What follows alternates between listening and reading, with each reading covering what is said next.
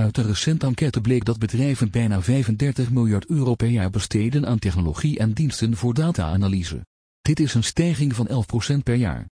Echter, in een ander onderzoek onder algemeen directeuren van grote bedrijven geeft ruim 70% aan dat ze nog bezig zijn om een data-gedreven cultuur in te voeren. En ongeveer 50% van hen geeft toe dat ze nog niet effectief concurreren op data en data-analytics. Hoe is dit verschil in uitkomsten van data-gedreven werken, de uitgaven versus de praktijk te verklaren?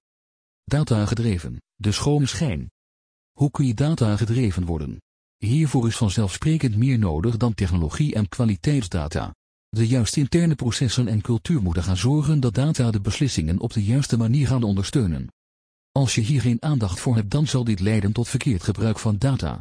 Kostbaar en ook moeilijk te achterhalen. Deze organisaties denken dat ze data gedreven bezig zijn. Ze hebben weliswaar de data, de technologieën en zelfs de expertise. Maar hun cultuur en processen zijn daar niet op afgestemd.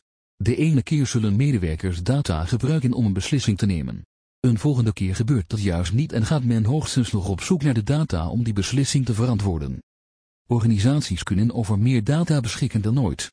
Cultuur van organisaties is echter geworteld in top-down besluitvorming. En traditionele tools zoals wekelijkse rapporten en statische dashboards,